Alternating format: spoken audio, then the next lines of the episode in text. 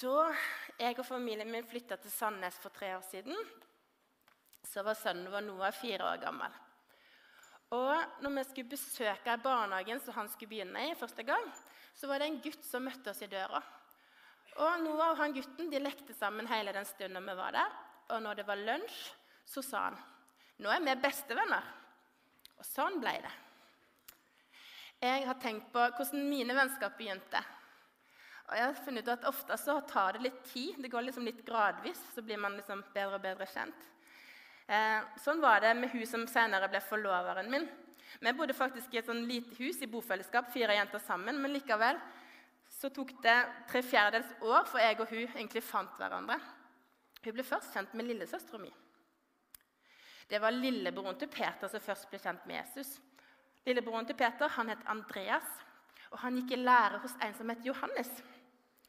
Døperen Johannes ble han kalt fordi han døpte folk, da, og fordi han fortalte folk at de måtte vende om og søke Gud. Han, døperen Johannes han visste det at han skulle forberede veien for han som Gud skulle sende. Men han visste ikke akkurat når han skulle komme. Men plutselig en dag så kom Jesus, og da sa Johannes se, der er han! Der er han vi har venta på. Neste dag så sto Andreas og en kamerat og snakka med døperen Johannes. Og Da kom Jesus igjen. Og igjen sa døperen Johannes, 'Der er han!' Og Da bestemte Andreas og kameraten seg for at de ville gå i lære hos Jesus i stedet. Så gikk de sammen med han. Men Andreas han tenkte på broren sin, så han stakk hjemom en tur og sa, 'Simon, Simon, vet du hva? Vi har funnet han! Vi har funnet Messias!' Og Sånn hørte Peter om Jesus.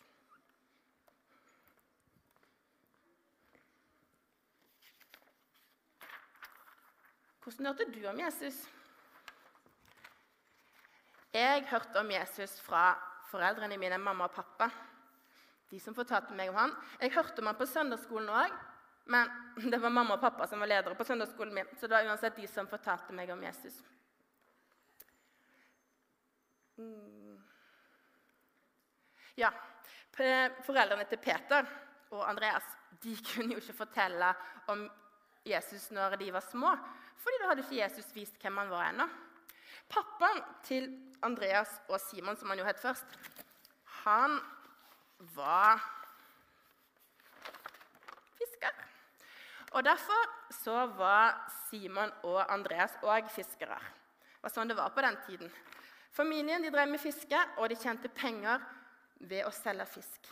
Så var det selvfølgelig sånn at Noen netter når de var ute og fiska, fikk de en hel haug med fisk. Andre ganger fikk de litt mindre.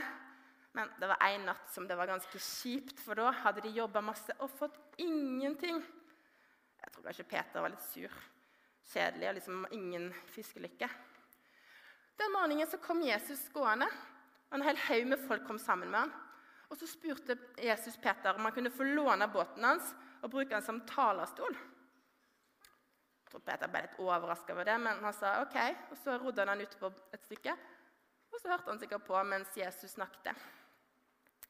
Etterpå, når han var ferdig, så kom Jesus i land igjen, og så sa Jesus til Peter ro litt ut igjen, og så kast garnet på andre sida av båten.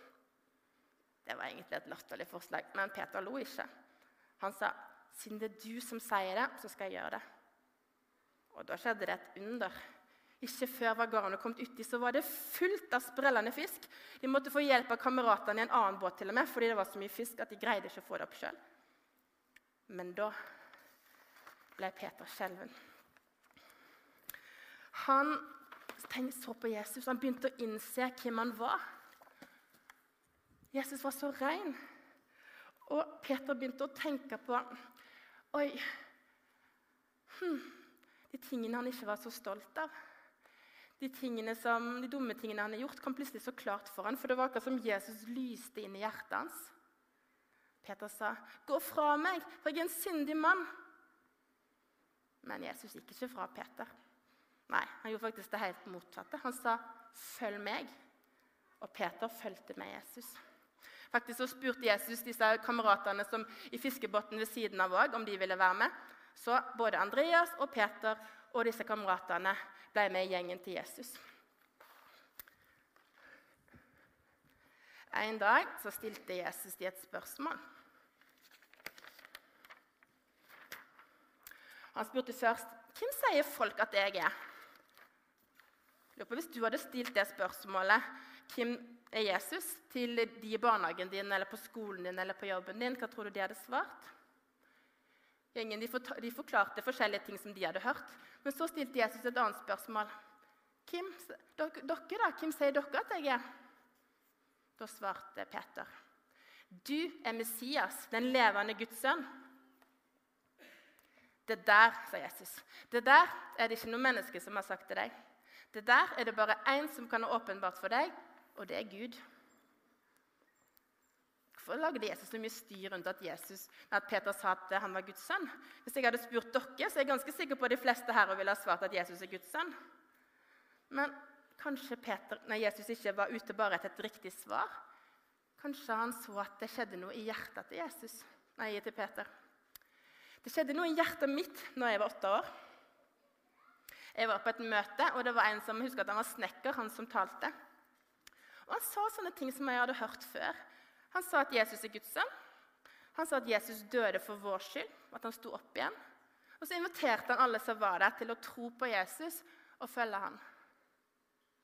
Men da kjente jeg noe at det ble så klart inni meg. Det var noe som skjedde.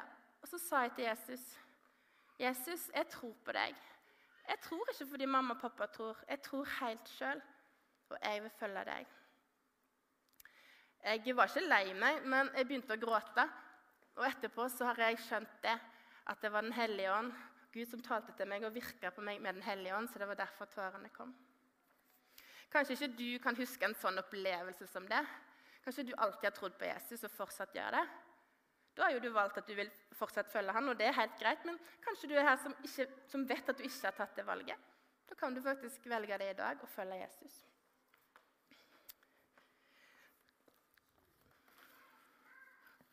Dere har kanskje lagt merke til at det er noen sånne prikker her på gulvet. Nå skal jeg få et sånt bilde oppe her, fordi Dette skal liksom forestille Google Maps. Hvis du går, vel og merker, så kommer det sånne prikker som viser hvor du skal. Og så det stedet du skal til. Sånn, det er merka. Der oppe er det Freda Marena, men her er det tatt opp på korset for å symbolisere Jesus. Og så er det òg en sånn her runding som viser hvor du er. Og på den rundingen så er det òg ei pil som viser hva retningen det går i. For du kan faktisk være her, og så kan du plutselig vise seg at du går motsatt vei av det du hadde tenkt. Eller kanskje litt sånn på skrå. Og Da kan du justere retningen så at du er den veien du har tenkt deg. Pila til Peter den viste rett vei. Han ble bedre og bedre kjent med Jesus og vokste nærmere og nærmere han. Men så gikk det plutselig skikkelig galt. For Peter, han var feig. Han løy og sa at han ikke kjente Jesus. 'Jeg kjenner ikke Jesus.' 'Jeg kjenner ikke Jesus.' Jeg kjenner ikke Jesus, sa han tre ganger på kort tid. Han banna for å bevise at det var sant. Men det var jo ikke sant. Tenk deg da, Peter som var så nærme Jesus. Så sa han at han ikke kjente han. Det førte han jo ikke akkurat nærmere. Peter følte ikke at han kunne kalle seg en disippel lenger.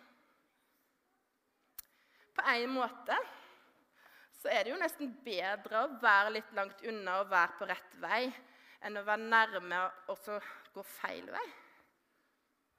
Hm. Jesus sier til oss i Bibelen, 'Kom til meg, alle som strever.' Han sier, 'Om du søker meg, så skal du finne meg.' Det gjelder alle, òg deg som kanskje tenker at du har ødelagt alt. Peter han tenkte at han hadde ødelagt alt.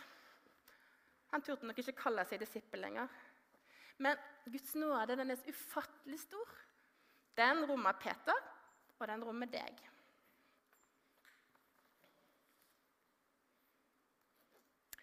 Nå, eh, Peter han omvendte seg, og han levde nær Jesus resten av livet.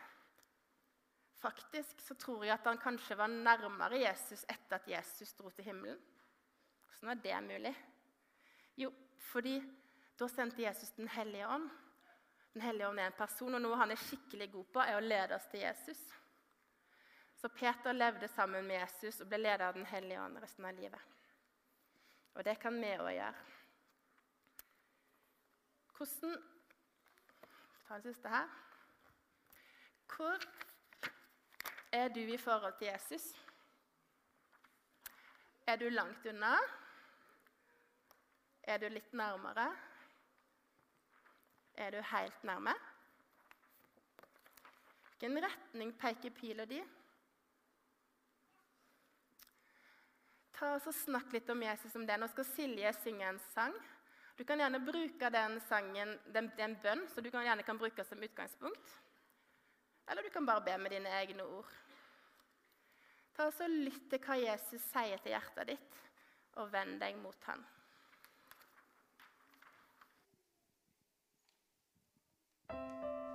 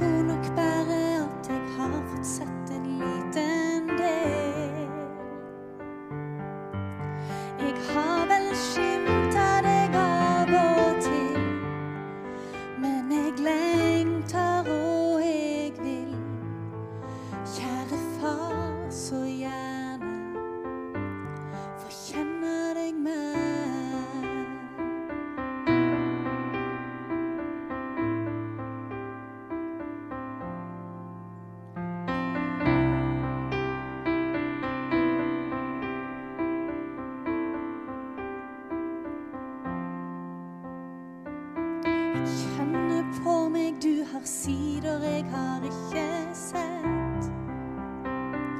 Fader, og i vårt vennskap venter mer om jeg kjenner deg rett. Jeg har vel skimta deg av og til, men jeg lengter og jeg vil. Kjære far, så gjerne Det deg iallfall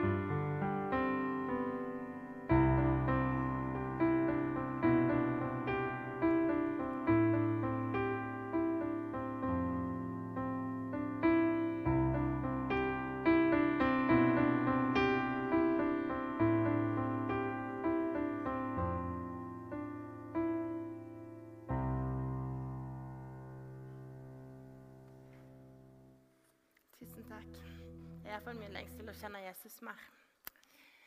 Nå har dere, noen av En del av dere har fått et sånt ark som var bretta og stifta sammen. når dere kom. Hvis dere ikke har fått det, så kommer det opp på skjermen òg. Fortvil ikke.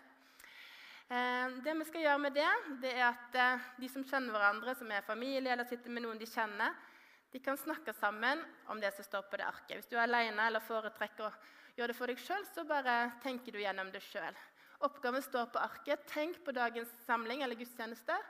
Velg én eller to av disse bildene og fortell de andre eller tenk over hvorfor valgte du akkurat det bildet. Så det skal vi gjøre sammen nå i noen minutter. Dere som er hjemme, kan òg gjøre det.